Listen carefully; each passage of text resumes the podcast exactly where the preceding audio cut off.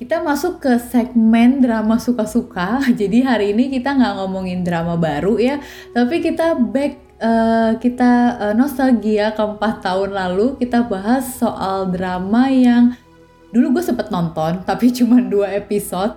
Terus gue nggak lanjut karena dramanya so frustrating buat gue. Uh, jadi kita lagi ngomongin Save Me ya hari ini, tapi Save Me yang pertama, bukan yang kedua ya. Nah, Ren, karena lu ngomong tadi apa lu dulu tuh sempet nyobain drama ini mm-hmm. kan uh, apa yang membedakan pada saat dulu nonton sama sekarang? Uh, mungkin gue juga sebenarnya nontonnya nggak tahun 2017 sih kayak tahun lalu atau 2019 akhir gitu baru pengen nonton ini karena premisnya menurut gue lumayan unik dan juga lumayan creepy tapi creepy-nya tuh bukan kayak creepy hantu gitu loh lebih ke psikologis kita gitu nggak sih? Nah uh, waktu itu tuh pas gue nonton emang kayaknya gue gak siap deh nonton kayak gini. Jadi cuma dua episode itu kayaknya terlalu berbeban berat gitu buat gue nah sekarang juga nonton tapi nontonnya nggak binge watch ya. Jadi lebih karena kan kita lagi ppkm jadi kayak stres deh kalau binge watch gue nonton ini. Jadi kayak pelan-pelan tapi lebih ready dan lebih siap menerima gitu kalau sekarang. Dibandingkan zaman dulu gue uh, kayaknya beban banget tuh nonton dua episode aja. Karena masalahnya tuh terlalu uh, kompleks terutama ke Sangmi sih menurut gue. Uh, padahal ya kalau kita lihat kita tuh ini tuh bukan drama tentang kultus pertama kita loh. Kita juga udah pernah ngadepin kultus-kultus kayak gini kan waktu bahas luka kalau nggak salah ya. Ada hmm. kultus-kultus gini juga kan meskipun tidak se-advance iya ini ya. Iya sih. Dan apa? Gua kayaknya belum pernah, kata deh seinget gua sepanjang podcast kita ada uh, eh, gue kayaknya belum pernah nonton drama Korea. Gue menghela nafas sebanyak gue nonton drama ini. Gila gue kayak hampir setiap episode gue menghela nafas mulu sama kelakuan para karakter-karakternya ya. Yang wadidau gitu. Uh, di banyak kejadian lah gitu. Tapi sebelum kita ke sana mungkin sedikit warning untuk orang yang mau nonton atau mau mencoba nonton Save Me ya. Pastikan kalau kalian nonton drama ini kalian tuh punya uh, iman yang kuat gitu lah. Karena lama-lama kalau nontonnya lempeng-lempeng aja, terus iman kalian juga nggak kuat tuh ada kekhawatiran mulai mempertanyakan agama kita gitu. Iya iya betul. Apalagi kalau karena kita sering banget kan denger mereka tuh ngomongin slogan mereka itu kan, yang apa uh, kita akan diberkati, iya, iya, iya. Aduh, kita percaya gitu-gitu kan. Bener, Nah itu tuh lama-lama jadi pengen ikutan gitu loh. Ya, yang begitu mereka ngomong kita akan diberkati tuh kita langsung pengen jawab kita di aku percaya, aku percaya gitu kan.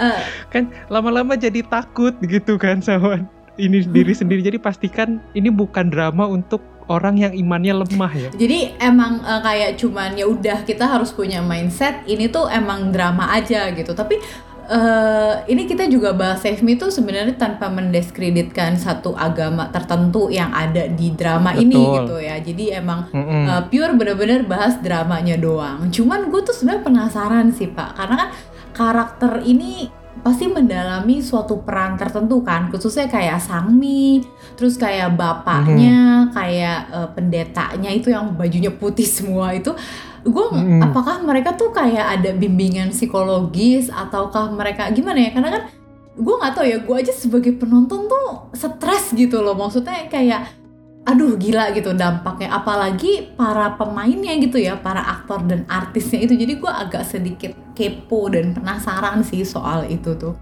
kalau soal apa yang terjadi di belakang layar sih sudah pasti kita nggak tahu ya. Maksudnya kan mm -hmm. ini juga drama lama, juga mungkin kita nyari footage-footage behind the scene-nya juga nggak terlalu ada gitu kan. Tapi kalau gua ngeliat perkembangan para karakter itu sekarang, maksudnya si para pemain-pemainnya itu sekarang kelihatannya baik-baik saja di dunia acting, sepertinya uh, masalah mungkin pendalaman karakter, masalah mental health mereka cukup dipikirkan gitu untuk drama-drama seperti ini gitu. Karena kan memang ini mungkin dramanya uh, membebani mental lah gitu memang sudah udah jelas gitu kan peluangnya cukup besar lah untuk membebani mental gitu. Karena kan kalau kita ketemu drama-drama kultus-kultus yang sebelumnya tuh yang kayak kultusnya tuh cuma eh cuma apa ya? Cuma kayak side job gitu loh atau cuma kayak support ya supporting topik sampingan gitu loh, cuma Mm-mm, kayak mm-mm. topik eh, penyokong aja. Tapi kan kalau di drama ini kultusnya itu bener-bener utamanya gitu kan. Itu yang kita bahas bener-bener soal drama ini tuh memang si kultusnya itu, si kultus penyembah dewa langit baru ini kan. Iya ya, Eh, apalagi tuh kayak eh, lu nonton episode awal kita tuh kayak nggak dikasih istirahat gitu loh. Jadi episode awal tuh udah kehadiran keluarganya Sangmi eh, ke Muji City gitu kan. Terus eh, dari situ udah diterpa masalah tuh yang ditipu sama kayaknya kerabat bapaknya Sangmi, adiknya atau apa gitu kan, pokoknya Mm-mm. saudaranya. Terus mereka tuh yang mentalnya down, terus udah gitu adik, eh sorry opanya Sangmi juga eh, dibully terus meninggal. Jadi gila kayak gue pas nonton tuh kayak nggak ada istirahatnya sama sekali gitu loh terpaan eh, dan cobaan untuk keluarganya si Sangmi itu sangat amat eh, tes tes tes tes gitu loh cepet banget gitu kan. Sehingga pas nonton juga lumayan agak aduh gitu ya capek ya kan. Ya nggak salah juga sih mental mamanya Sangmi dan bapaknya jadi per- bukan percaya ya mungkin lebih kayak terbuka gitu nggak sih sama si eh, Gusun Won ini Kalau gua malah lebih merasanya eh, di awal kan kita tahu nih keluarga Sangmi ini datang dari Seoul, gitu kan. Mm-mm. Kalau kita mungkin ya datang dari Jakarta gitu lah ya. Yang maksudnya kota metropolitan ibu banget kota gitu. ya. Mm-mm, Mm-mm. ibu kota. Tapi sepanjang perjalanan cerita tuh gua nggak merasakan hal itu gitu loh. Kayak Hmm. pola pikirnya mereka, cara mereka mengambil sebuah keputusan, cara mereka diskusi itu gua nggak merasa ini orang kota gitu. Hmm. Di, ba- di banyak situasi ya, apalagi pada saat mereka udah masuk ke Gusonwon itu kan, ke Mm-mm, kultusnya itu tuh kayak gue merasa kok orang yang udah punya pengalaman lama tinggal di kota seperti Seoul gitu dan merasakan budaya Seoul gitulah budaya kota banget urban banget. Kenapa ngelakuin sesuatu tuh kayak gini kayak Sangmi tuh yang tidak lelah-lelah mengulangi kebodohan-kebodohannya dia gitu loh. Itu tuh yang kayak gue mikir kenapa orang kota mikirnya senaif ini gitu. Itu sih yang akhirnya gue nggak merasa eh, keluarganya Sangmi ini menggambarkan orang Seoul yang sebenarnya gitu. Karena gue menurut gue kalau orang kota justru malah lebih skeptis gitu kan Iya, lebih susah iya. untuk ditembus, ditembus ya. lah anggap Mm-mm, mm-mm.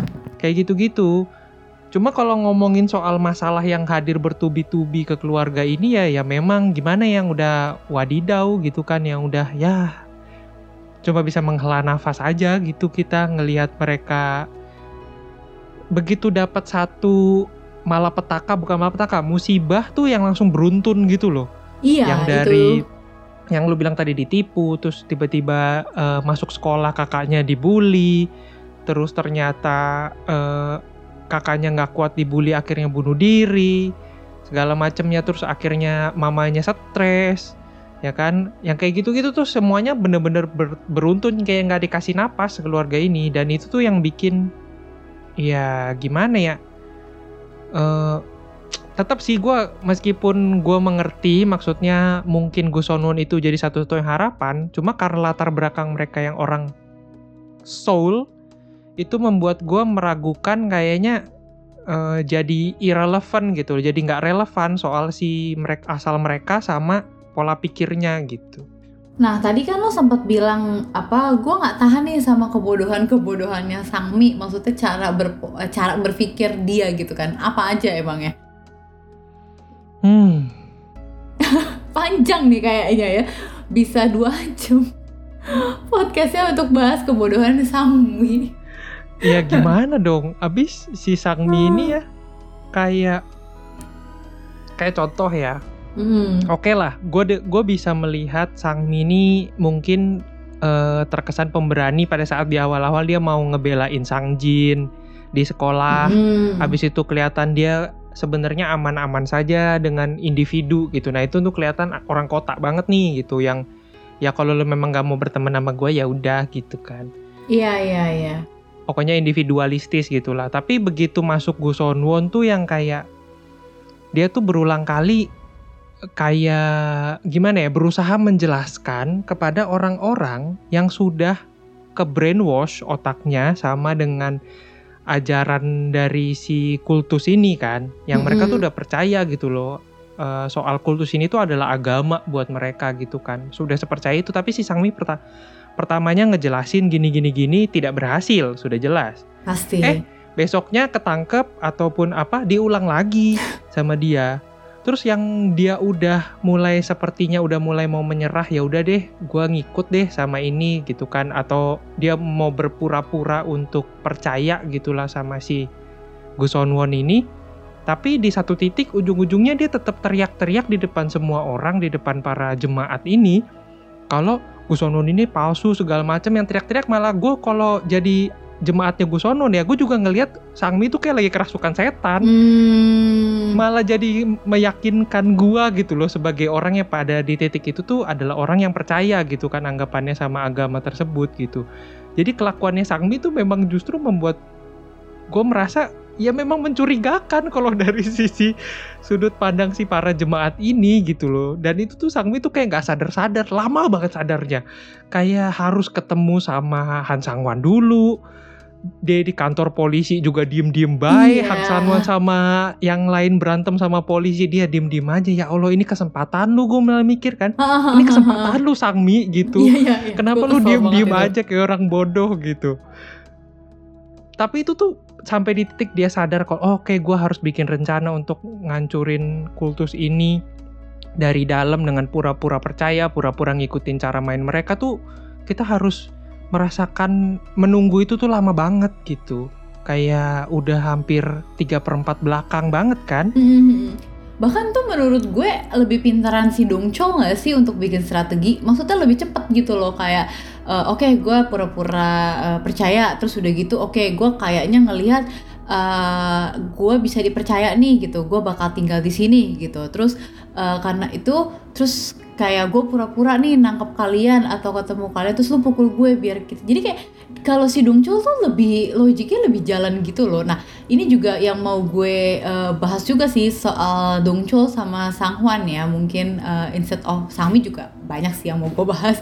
Itu tuh kayak perannya si Sok Dongchol ini dari awal sekolah gitu kan sampai dia keluar dari penjara terus nyelamatin si Sangmi itu jauh lebih berperan penting daripada si Sanghwan gak sih? Menurut lu? Tapi kalau gak ada Sangwan, apa yang dilakuin Dongchul tuh juga Sia-sia. kayak sia-sia nggak sih? Maksudnya kan dia juga butuh orang di luar untuk bergerak di luar Gosonwon kan pada saat dia Iya menyamar ke dalam gitu. Dia nggak bisa ngelakuin itu sendiri. Cuma memang Sangwan juga agak PA gitu kan orangnya. Yang bahkan gue merasa kadang-kadang di suatu titik tuh Sangwan bahkan lebih naif daripada Sangmi gitu Hmm. yang apa sih kenapa sih dia segitu yakin kalau bapaknya itu tuh tidak terlibat dar- dalam urusan sama Gusonwon padahal dia tuh udah jelas-jelas tahu kalau Gusonwon aja udah sampai masuk ke kantor polisi Iya. udah sampai masuk ke kayak civil worker gitu kan PNS PNS itulah gitu kan. Udah sampai menyelinap ke sana kan berarti ya ada kemungkinan ya bapaknya juga sebenarnya terlibat gitu. Kenapa nggak pernah kecetus kepikiran gitu loh Dan dia tuh baru sadar kayak di akhir-akhir juga kan. Eh, akhirnya Mm-mm. oke gue mau jatuhin bapak gue nih. Tapi itu udah kayak episode 14, 15, 16 gitu. Bahkan cara dia jatuhin Nah, bapaknya iya, kan juga gimana ya? Yang kayak bisa kali lu kan udah belajar nih eh, menyusun strategi sama Dongchul, sama Manhi, sama Junghoon Hmm. gitu kan. Udah menyusun strategi diem-diem gimana caranya kita ngejatuhin suatu organisasi. Kenapa nggak cara itu juga dipakai untuk ngejatuhin bapak lu gitu loh Bener-bener. kenapa harus eh, dikonfrontasi langsung gitu si bapaknya gitu yang kita udah jelas lu pasti kalah Iya iya, ini juga eh, hal yang gue tuh sampai kayak pas nonton ya, gue tuh kayak nonton sinetron jadi kayak bego banget sih nih gitu karena lu udah punya bukti gitu kan, ya lu play safe lah, kayak main cantik lah gitu loh, jangan lu konfrontasi di depan bapak lu sama si sekretarisnya yang bilang, nih gue punya bukti, gue bisa nyerahin. Maksud gue, aduh bapak lu tuh banyak ininya apa ya kayak antek-anteknya gitu loh ya, anak buah yang nah bisa gebuk iya. lu, bisa bunuh lu mungkin atau ngambil barang itu. Maksud gua lu playnya yang cantik lah, jangan kayak gitu itu yang bikin gue juga frustasi sih sama Sanghwan sebenarnya. itu juga si Sangwan eh, kebetulan kerja sama sama si detektif yang dari Seoul itu juga menurut gua agak semi-semi hoki itu hasilnya kayak Betul, gitu. yang- Karena kan detektif itu kan kaki tangannya bapaknya kan. Bener-bener yang ini ya temannya Kim Doki ya di taxi driver. Oh iya bener bener. Dan waktu itu kan rambutnya keriting ya sama Sama gondrong. Ya itu itu Cuma- juga hoki sih menurut gua. Iya maksudnya itu dia kaki tangannya bapaknya kan ada kemungkinan eh, apa rencananya si Sangwon tuh semua dibocorin ke bapaknya gitu loh. Kebetulan aja ini detektif dari Seoul jadi punya pola pikir yang agak beda Bener. gitu. Nah si detektif ini barulah menunjukkan kalau orang Seoul tuh pola pikirnya tuh kayak detektif ini gitu harusnya bukan kayak Sangmi dan keluarganya gitu. Karena kan detektif ini kan bener-bener skeptis banget kan. Iya. yang dia tuh semua mencurigai segala hal. Bener, mungkin bener. karena pekerjaan dia juga sebagai detektif tapi detektif-detektif lain di kota Muji juga nggak kayak dia gitu loh. Yang masih ngikutin aturan yang takut ini itu yang masih serba nggak enakan kayak bapaknya Jonghoon Itu kan. gue juga frustasi banget sih sama bapaknya Jungun gue kayak aduh terserah lu deh gitu pas tonton kayak ah udahlah ini udah kayaknya nggak ada harapan gitu loh apa ya pas Sangmi sempet kabur pertama kalau nggak salah kan ketemu bapaknya Junghun kan yang hampir ketabrak itu terus dibawa terus kayak aduh ini juga polisi kayak nggak punya pola pikir apa gimana sih? Gitu. Apa lu nggak bisa melihat kecurigaan? Maksudnya kayak percaya aja gitu sama nah si itu. eh, antek-antek Gus Sunwon ini. Jadi memang kayak Gus Won itu kan diceritakan udah segitunya berpengaruh gitu kan di kota ini kan Iya, jadi memang kayaknya Muji itu satu-satunya kan. cara Hmm. ya adalah melalui detektif yang ini detektif apa dari Seoul ini gitu kan yang karena memang Hmm. dia datang ke situ tuh dengan pola pikir yang beda gitu karena kalau orang asli situ udah kenal Gus Onon apalagi udah ngerasain manis-manis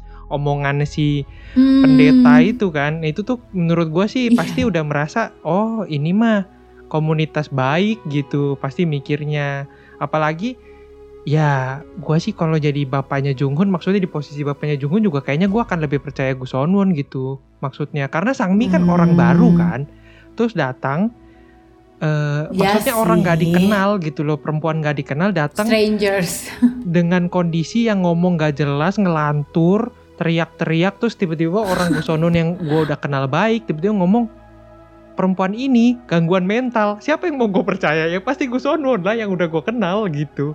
untungnya tapi si uh, police officer Choi-nya yang cewek lebih ini ya lebih kritis Mm-mm. ya orangnya jadi eh, pas jadi pas aja gitu loh komposisi jadi dia kayak nggak terlalu yang gimana gimana banget kan sama si Go Sun Won ini tapi balik lagi sih ke member Go Sun Won ya s- awalnya gue tuh lebih frustasi sama emaknya Sangmi dibandingin sama bapaknya Betul, setuju. karena emaknya Sangmi itu lebih ke anjir oke oke lah gue tahu eh, anak lu meninggal bunuh diri itu nggak adil gitu kan maksudnya tapi dia tuh nggak bisa melihat pola pikir atau eh, punya pandangan kalau Sangmi itu kan anaknya dia juga Nah. gitu loh sampai sesetres itu gitu kan itu awalnya gue sangat betul, frustasi betul. sama mikir Sangmi gitu.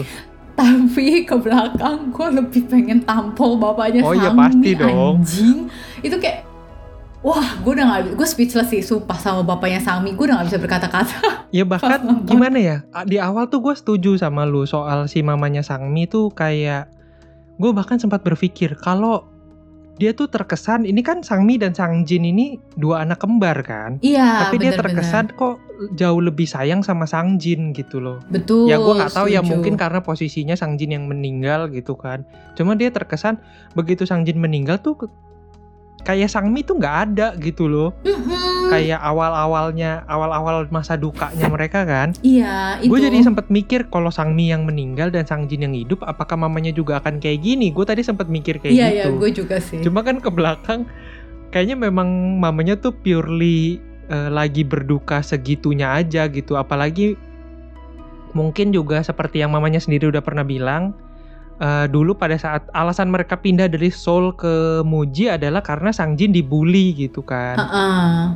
Karena kondisi kakinya gitulah pokoknya kondisinya dia nggak sempurna tuh dia dibully akhirnya mereka harus pindah gitu karena udah mulai mengganggu mentalnya Mental. Sang Jin lah gitu. Mm-mm. Jadi mungkin memang eh, si Sang Jin ini dapat perhatian lebih lah dari si mamanya gitu. Cuma yang makin ke belakang kita bisa melihat gitu loh sebenarnya kan si mamanya ini kan dipengaruhi obat Tapi kalau pada saat tidak dipengaruhi obat ya dia segitu mikirin Sangmi sebenarnya gitu kan. Heeh. Bahkan bahkan gue sampai bertanya-tanya. Jadi sebenarnya momen-momen mamanya ngelihat arwah sang jin tuh sebenarnya halu doang atau dia beneran ngeliat gitu sampai dia di satu titik tuh punya kayak eh, kesadaran kalau yuk gue mesti ngajak Sangmi keluar dari tempat ini gitu itu kan kalau di kepala mamanya kan sang jin yang ngasih tahu gitu kan. Kalau mau Sangmi hidup tuh lu harus bawa keluar. Nah itu gue jadi bingung. Jadi sebenarnya arwahnya sang jin ini halu mamanya atau beneran dia ngelihat arwah ya. gitu? Oh, oke oke. karena kan dari awal dari sebelum dia nerima obat dia udah ngelihat arwah kan? Maksudnya yang dia ngomong sang jin ada di depan rumah buka Iya, pintu iya, segala iya, iya. macam. Nah itu ng- nggak tahu jadinya akhirnya gimana. Karena ujung-ujungnya kayak dia tuh bener-bener mikirin Sangmi banget gitu loh sampai bisa ngobrol sama Sang Jin soal Sangmi yang di awal-awal tuh nggak pernah ada gitu dia tuh selalu ngobrolin seakan-akan obrolan antara mamanya sama Sang Jin si arwah ini kan cuma satu arah gitu kan Hmm. tapi mulai ke belakang-belakang tuh kayak sang jinnya mulai ngasih tahu ke mamanya kayak eh lu harus mikirin Sangmi, Sangmi dalam bahaya segala macam gitu tuh udah mulai ngarah-ngarah ke sana tuh. Jadi gue udah udah development karakter si mamanya nih gue udah mulai cocok lah gitu. Oh ya udah gitu. Tapi kalau bapaknya ya memang kayak berak gitu kan bapaknya memang. gue kayak kayak lu ini kan kayak udahlah frustasi banget nih udah punya bapak kayak gini udah Iya. hopeless gitu Kayak sinting gak sih bapaknya? Tapi ya, gue nggak tahu ya apakah memang psikologis orang yang lagi down terus kayak ada uh, someone yang approaching dia begitu baik jadi dia nerima segitunya atau apa ya gue nggak ngerti juga sih tapi ya bener kata lu jadi bapaknya ini terlihat seperti pola pikir orang muji bukan orang soul gitu loh karena Mm-mm. terbuka banget terus percaya terus bahkan sampai yang tidak make sense itu adalah kayak ya dibilang Sangmi harus jadi ibu spiritual tuh kan ibarat kayak lu ngejual anak gitu nggak sih? Bener, tapi dia percaya dia nggak Iya, melakukan itu kan gitu. Nah makanya banget. kayak si bapak ini kan Aduh, di awal-awal tuh kelihatan sangat ya sangat kebapaan gitu lah, sangat benar benar. sangat sayang sama anak-anaknya, pokoknya ngelindungin apa pun, kelihatan bisa diandelin lah. Makin ke belakang tuh gue makin jijik sama karakternya dia gitu. Yang kayak bener-bener disgust gitu loh, apalagi kalau dia senyum ngelihat Sangmi yang seakan-akan udah per- mulai percaya gitu sama si dewa ini kan. Mm-mm. yang dia tuh senyumnya yang kayak senyum ini kayaknya senyum kerasukan setan deh. Yang gue udah, udah sempet sempet bener-bener creepy banget gitu sama si bapak ini. Parah sih bapaknya gue tuh sampai kayak gila gue udah nggak ngerti sini pola pikirnya udah super sinting sampai yang Sangmi mau apa eh, mau bilang di rumah doang juga udah lalu ikut doa ikut doa gitu-gitu udah kayak udah deh udah gila banget nih anaknya aja udah udah geli gitu kan sama bapaknya udah sinting nih bapak gue gitu. Ya Nah, makanya.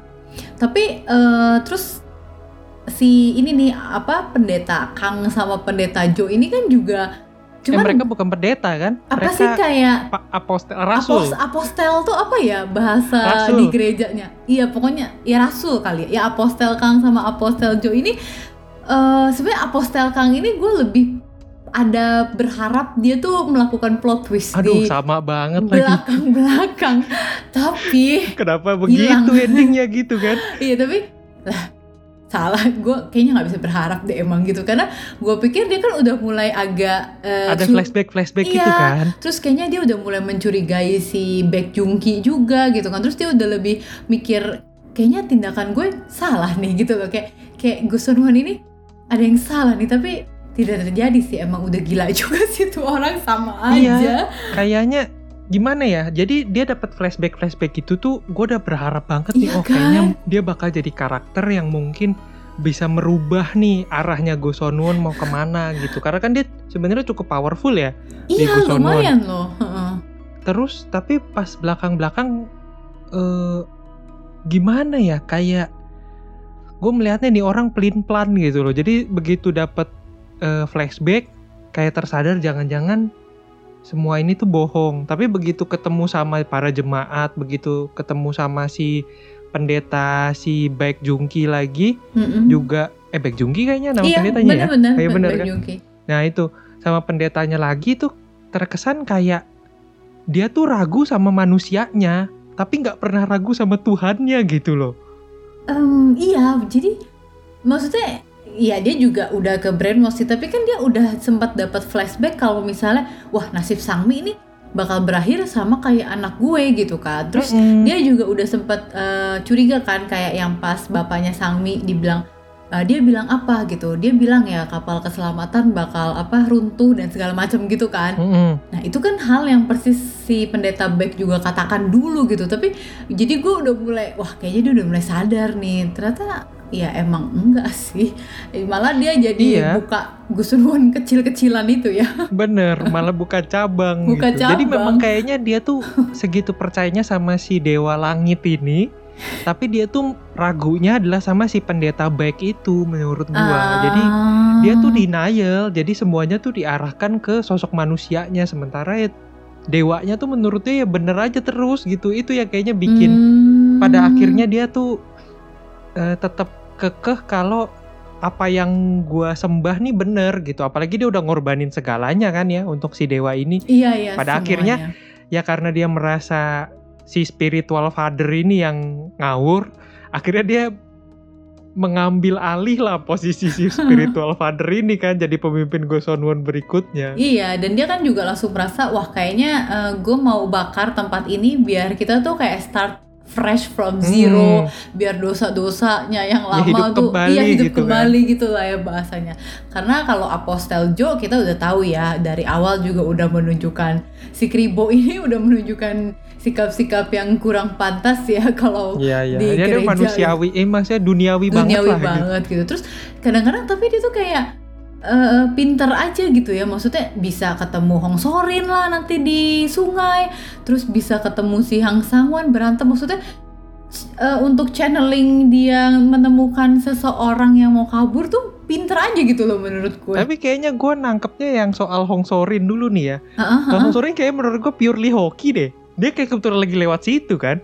Oh, bisa jadi. Jadi Ah, ah. Karena kan pas kondisi Hong Sorin nyampe di jembatan itu kan mobilnya si apa Apostel Joe tuh lagi jalan, lagi jalan mendekat kan, bukan udah parkir di situ. Iya, iya, Jadi iya, kayaknya iya. dia lagi lagi either memang lagi nyari Hong Sorin atau Ya, lagi lagi lewat dat- situ ya. eh, lagi baru pulang dari mana gitu. Cuma ya menurut gue purely suwe aja sih menurut gue Hong Sorin. Cuma kalau yang Hang Sanwan, karena kan dia sempat nyari si eh, tiga orang sahabat ini selain Dongchol Mm-mm. yang ke sekeliling kota tapi nggak ketemu-ketemu kan. Mm-mm. Jadi kayaknya memang pas ketemu-ketemu selanjutnya tuh ya hoki sekedar aja ya. kebetulan aja gitu sih Ah. menurut gua karena dia nyari kayaknya sempet nyari berbulan-bulan apa berminggu-minggu itu kayaknya nggak ketemu-ketemu gitu. Itu sih. Tapi ya soal eh, sedikit bahas soal pendeta Beck Mm-mm. di awal tuh gue sempet pikir dia bener-bener punya kemampuan tahu. Eh, karena Yang itu yang di awal-awal dia kan sempet bikin kayak eh, ibadah. gitu bukan sih bukan ya? eh, yang ini yang orang kanker, Oh, abis itu oh iya, kankernya iya, iya. diambil. Oh iya Gue iya. mikir gimana caranya bisa ngambil kanker? Maksudnya bener-bener ditunjukin di tangan dia gitu ada wujud kankernya gitu. Yang gue sampai mikir, hah dia bener-bener orang punya kemampuan bisa magic apa gimana sih gitu. Jadi gue sempet ragu gitu. Maksudnya apakah cerita Save Me ini mau dibawa ke arah si pendetanya nih sebenarnya bener-bener orang yang punya kemampuan gitu loh, orang-orang spesial gitu. Tapi dibawa eh, dibawa ke arah yang salah aja dengan bikin kultus. Tadinya gue pikir gitu. Eh makin ke belakang malah dibuka satu-satu kebohongannya dia kan.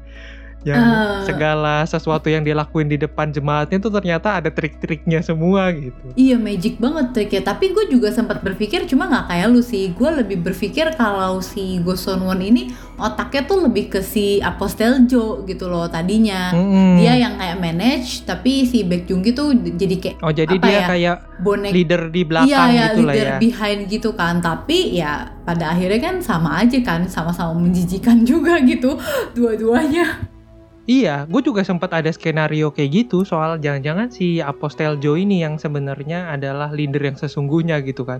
Tapi kok sampai tengah-tengah begitu dia udah mulai lancang mulutnya ya sama si pendeta Beck itu, Mm-mm. tiba-tiba yang kayak di eksorsis gitu loh sama si pendeta Beck, abis itu langsung jadi kalem, langsung jadi nurut yang kayak lah bukan dong, berarti bukan dia yang leadernya Otaknya, meskipun mm-mm. tetap makin ke belakang dia makin berani ya, makin mulai ngelawan dan kayaknya memang itu karena eh, si pendeta baik ini kan sebenarnya dulunya memang benar-benar pastor kan. Iya iya yang sempat Dan si- diselidiki itu. eh apa si Apostel Joe dan Apostel Kang tuh kayak apa ya kalau di kita ya? Kalau di Kristen tuh Apa ya ngomongnya? kayak prodiakon gitu kali ya? Iya bisa dibilang kayak gitu sih. Ya kayak gitu, pokoknya kayak diakon gitu kan. Nah, kayaknya mereka memang udah punya kedekatan terus pas pada saat si pendeta baik keluar kan mereka ngikut kan. Makanya jadi pada saat ngobrol satu sama lain tuh bisa seenaknya aja gitu Apostel Joe ngomongnya gitu. Iya itu sih iya. yang gue pikir aneh dan juga akhirnya nggak terjawab ya kenapa eh, semua tanah di Gosonwon dan sekitarnya tuh atas namanya Apostel Jo.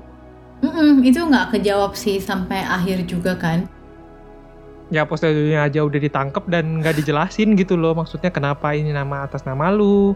Padahal juga pada saat yang terakhir-terakhir kan Apostel Jo kayak mau dibuang kan sama si Uh-uh. pendeta baik kan mau digantiin sama si siapa tuh yang preman temennya Dongcol tuh. Han Usung. bukan bukan Han Wosong dong. Kalau Han Wosong ntar jadinya lawyer. Oh, nah ngomongin si ini, ini namanya Cha Junko ya. Nah ngomongin Junko. si Cha Junko ini, gue tuh sebenarnya pertama agak karakter bingung. dia buat apa sih Ya, ya, kok lu tahu sih gue mau ngomong kayak gitu?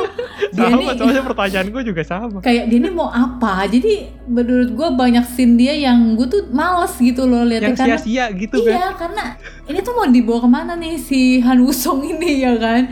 beneran Kata- gak ada ujungnya loh sin dia itu Hmm, iya kan, makanya gue gue pikir apa gue doang kali ya yang bertanya kayak gini. Ternyata lu juga mikir hal yang sama. Ya karena gue juga awalnya berharap oh mungkin dia punya secercah peran gitu lah ya kayak Hong Sorin gitu lah yang gue Ya, sempat mikir kan bener-bener. Hong Sorin ini kayaknya eh, bakal punya andil besar untuk membongkar si Gusonwon gitu dan Iya. ternyata bener gitu Ternyata kan meskipun bener. harus mati di tengah jalan tapi si siapa Junko ini awalnya gue pikir gitu makin ke belakang kok makin gak jelas dia tiba-tiba dikirim ke Gusonwon out of nowhere gitu dikirim sama si bapaknya Sangwan kan Iya, untuk eh, ngejagain si pendeta Beck gitu. Terus akhirnya peran dia cuma digunakan untuk tanpa sengaja ngebantuin para bocah-bocah lelaki-lelaki ini untuk ngehancurin Gusonwon gitu. Yang sebenarnya nggak Mm-mm. sengaja aja gitu. Dia kebetulan ada di situ aja terus Iya, dia iya kenal kan? Dongcul kan.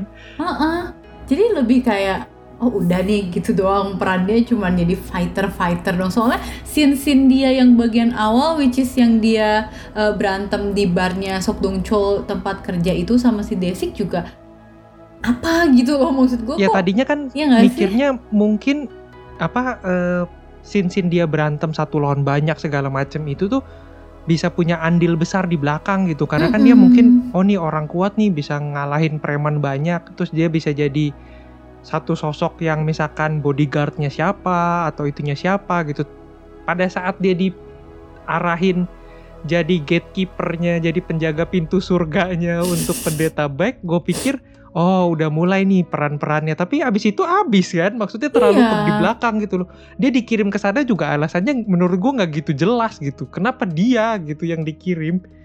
Enggak ini sih enggak apa ya bener-bener nggak enggak nggak nyambung gitu loh. Nggak tiba-tiba patah aja soal si John Go ini. Jadi menurut gua dia ada dia dan enggak pun nggak ada perbedaan Nggak yang ada, signifikan gitu. loh untuk drama cuma ini. jalurnya aja agak beda dikit gitu kan Iya, tapi juga ya udah gitu doang. cuma kita- endingnya menurut gue tetap sama dan Iya. aneh lagi di belakang itu ya kita kalau ngelihat ya eh, soal perteng bukan pertengkaran pertempuran antara Dongchol si Cha Junko sama orang-orang di Gusonwon Mm, ya mm, kan? mm, mm. pada saat lawan yang rame-rame tuh ya wajar lah kita udah sering ngelihat mereka dua aja bisa lawan satu geng gitu kan Mm, mereka berdua mm, tapi habis itu pada saat satu lawan satu lawan eh, si Apostel Joe dan juga si Wonduk itu yang Iya, asistennya dia, asistennya. itu tuh yang kayak kewalahan gitu loh mereka berdua. Iya, iya, iya. Yang gue bingung, lalu lawan satu gangster preman, ini pre yang bener-bener preman gitu.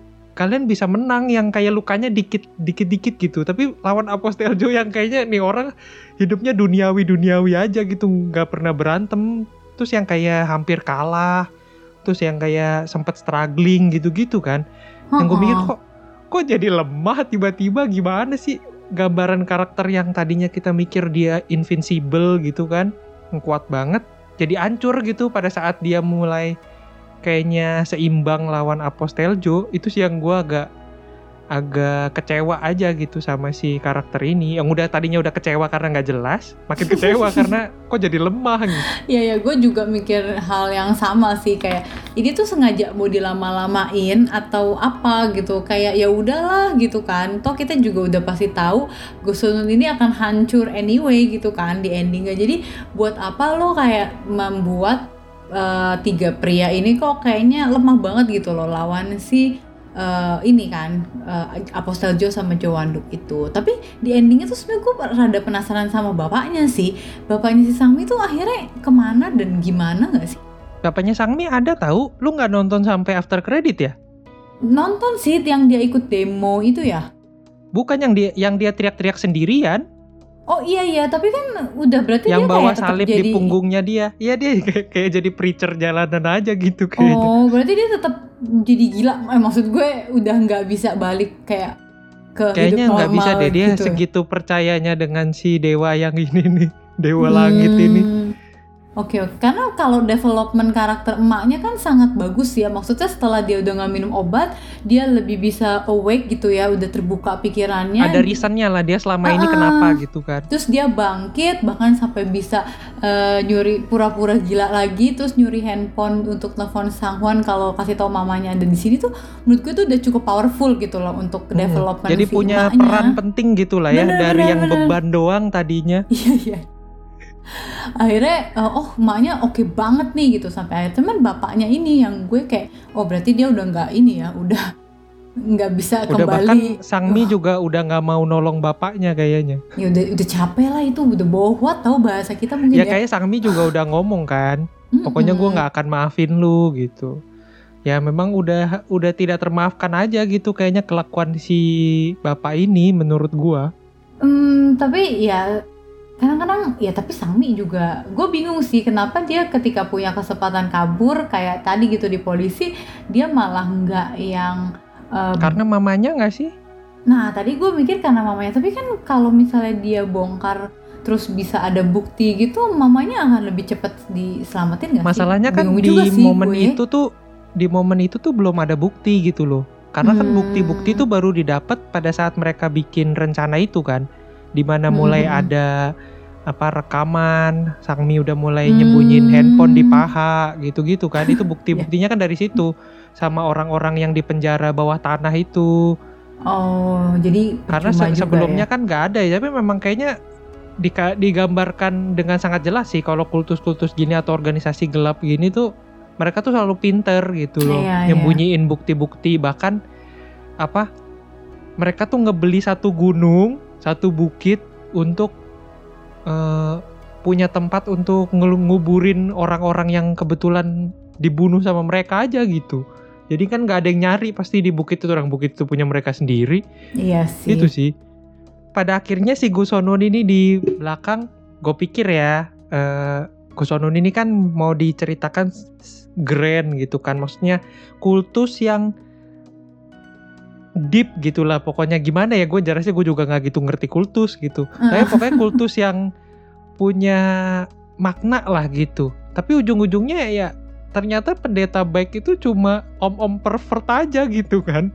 ini yang mau gue bahas juga kayak tuh aduh ketika yang si Sangmi udah jadi apa ceritanya udah mau jadi ibu spiritual terus dijual quote and quote ya sama bapaknya terus mereka di kamar terpisah yang yang ya Sangmi mau di brainwash itu gue jijik banget sih sama adegan itu. Kayak lu bilang kayak anjing ini mah cuman om-om mesum aja tai gitu loh. Kayak si, si babi ini kayak buruan deh gitu. Tapi ya anyway terselamatkan sih. Tapi gue ngeliat sini tuh tuh kayak disgust sendiri gitu loh. Ya sama sih maksudnya. Karena gimana ya? Kayak ya pada akhirnya gue sangat kecewa sih dengan tadinya kan karena tadi gue bilang kan kalau kalau di awal tuh gue berpikir si pendeta baik ini bener-bener punya suatu kemampuan gitu Hmm. yang di diterapkan dengan cara yang salah dengan bikin kultus gitu kan. Tapi kan pelan-pelan dibongkar ternyata dia itu cuma trik, cuma trik. Terus dia suka ketawa-ketawa nggak jelas gitu kan. Terus ternyata di ending tuh yang bener-bener ditunjukin seberapa rendahnya manusia ini gitu. Yang ternyata dia cuma mesum aja gitu. Memang cuma mau menggauli anak-anak muda gitu. Iya. Gadis-gadis muda. ya dari awal juga sih yang pegang paha Sangmi terus kayak ih itu gue disgust banget sih pokoknya Nah scene-scene maksudnya dengan dia dengan orang seperti ini maksudnya dengan wujud pendeta yang serendah ini dia tuh bisa bikin suatu kultus yang orangnya gila fanatiknya bukan main loh. kalah lo Armil iya ini ini bener-bener ya meskipun mereka nggak menyerang secara mungkin karena nggak pakai handphone ya di sana gitu. tapi kayak luar biasa sampai apa yang diomongin dia kan orang percaya banget gitu kan sampai Mm-mm. mengagung-agungkan sosok si pendeta baik ini Iya bener, yang kayak bener-bener bahkan sampai pendeta baiknya udah meninggal, semua orang udah ditangkap polisi tuh mereka masih percaya gitu loh. Yang sampai demo di depan kantor polisi, bisa marah-marahin wartawan, yang kayak bener, wah bukan main sih ini bener-bener se deep itu gitu loh merasuk ke dalam hatinya mereka dan terlihat dari bapaknya Sangmi juga gitu kan yang sampai terakhir nggak sadar juga gitu. gila emang Kalau Apostel Kang kan kita ya ya mungkin memang dia udah mengabdi gitu anggapannya dia Mm-mm. adalah anggota inti dari Gusonwon gitu kan. Jadi mungkin ya co-founder lah ya. Dari jadi dia, dia mungkin ada pola pikir yang ini harus terus berlanjut gitu kan. Cuma kan Mm. kalau member ini ya cuma doa-doa aja gitu kan. Yang gue mikir gila ini brainwashnya bisa sampai kayak gini tuh berarti memang semengerikan itu gitu kan. Eh apa? Orang bisa merasuk gitu loh.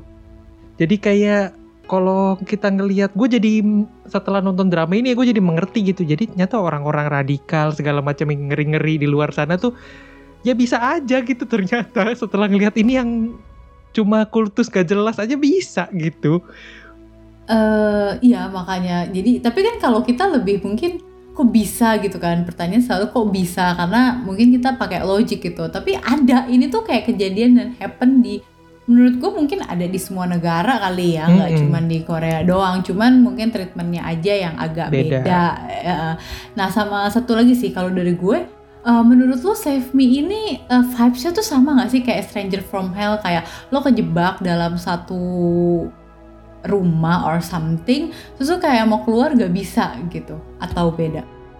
Beda sih menurut gua karena karena kalau Stranger from Hell itu kan lebih kepada kehidupan sehari-hari gitu kan.